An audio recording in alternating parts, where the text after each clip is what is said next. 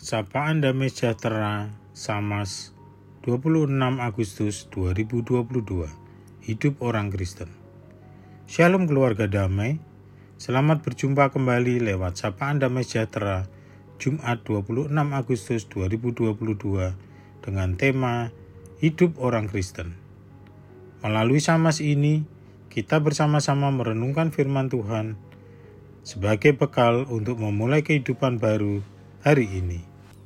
Sebelum kita mulai, marilah kita membukanya dalam doa.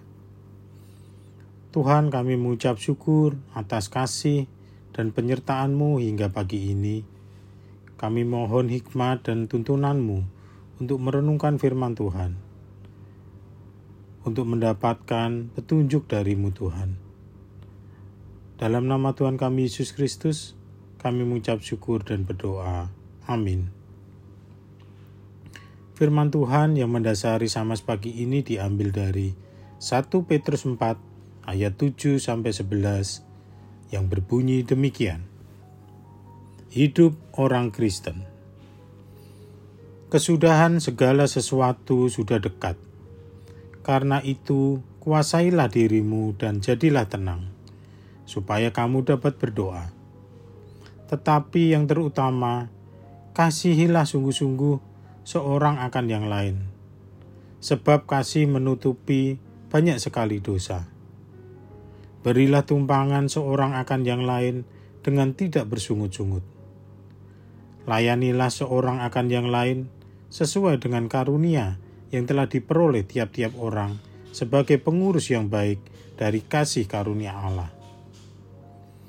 Jika ada orang yang berbicara, baiklah ia berbicara sebagai orang yang menyampaikan firman Allah.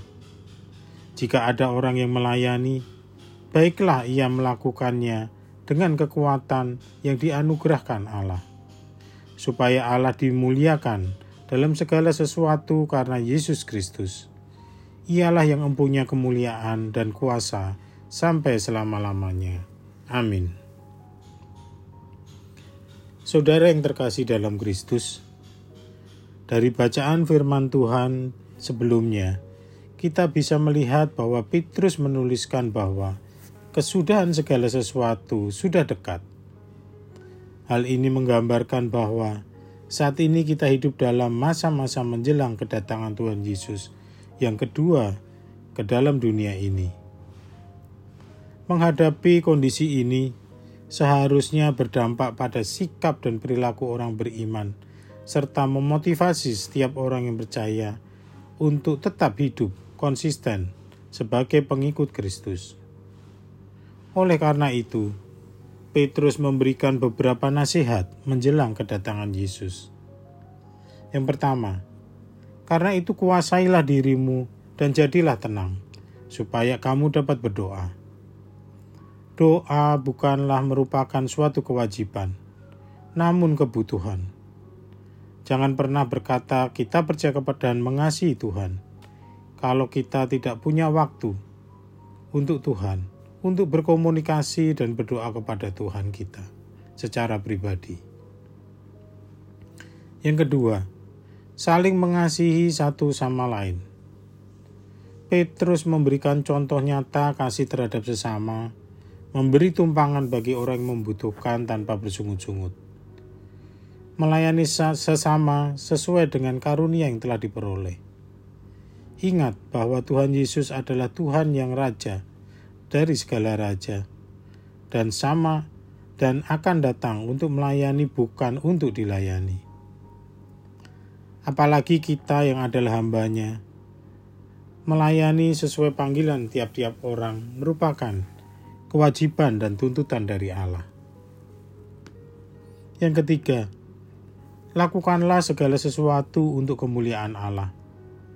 Sebab salah satu tujuan kita diciptakan adalah untuk memuliakannya. Dalam ayat ini, Petrus juga memberikan beberapa contoh nyata yang dapat kita lakukan. Ketika berbicara, hendaklah kita menyampaikan firman Allah juga.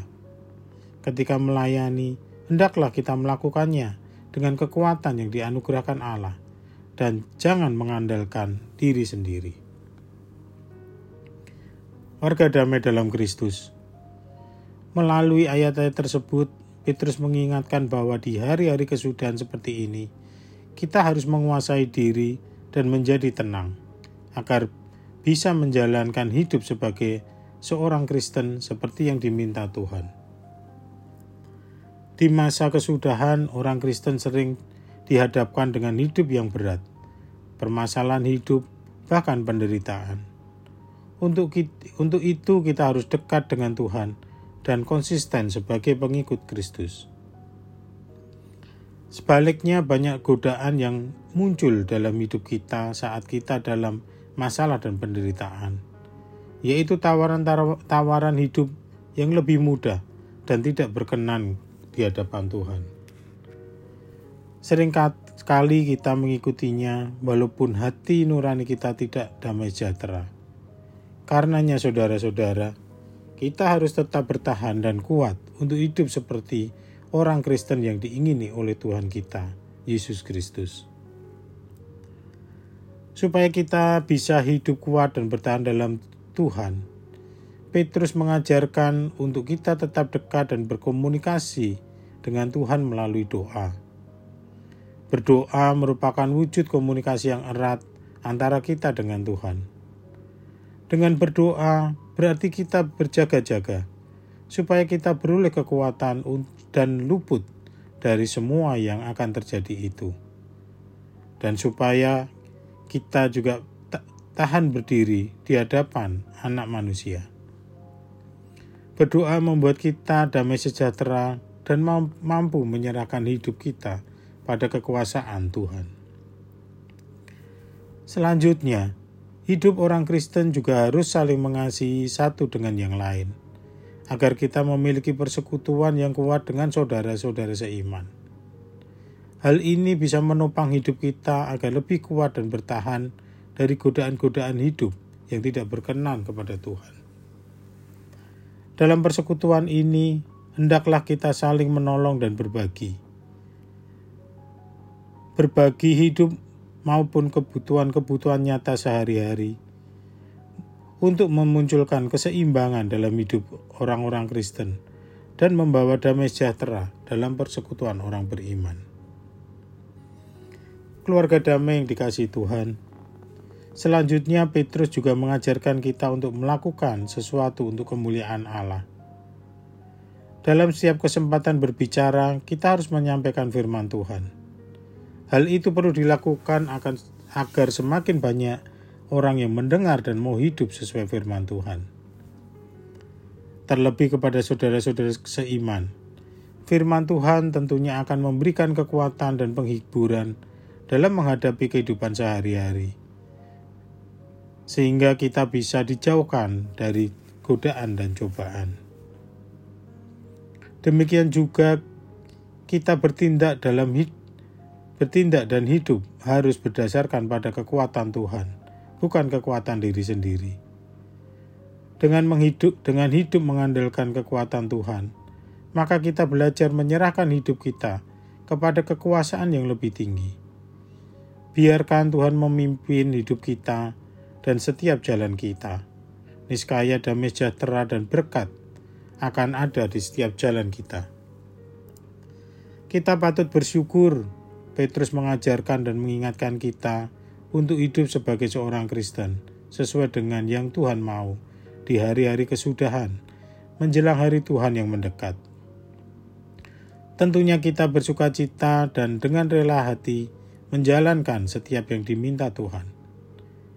Karena janji Allah untuk membawa kita dalam kehidupan yang lebih baik dan kuat dalam Tuhan. Marilah kita berdoa.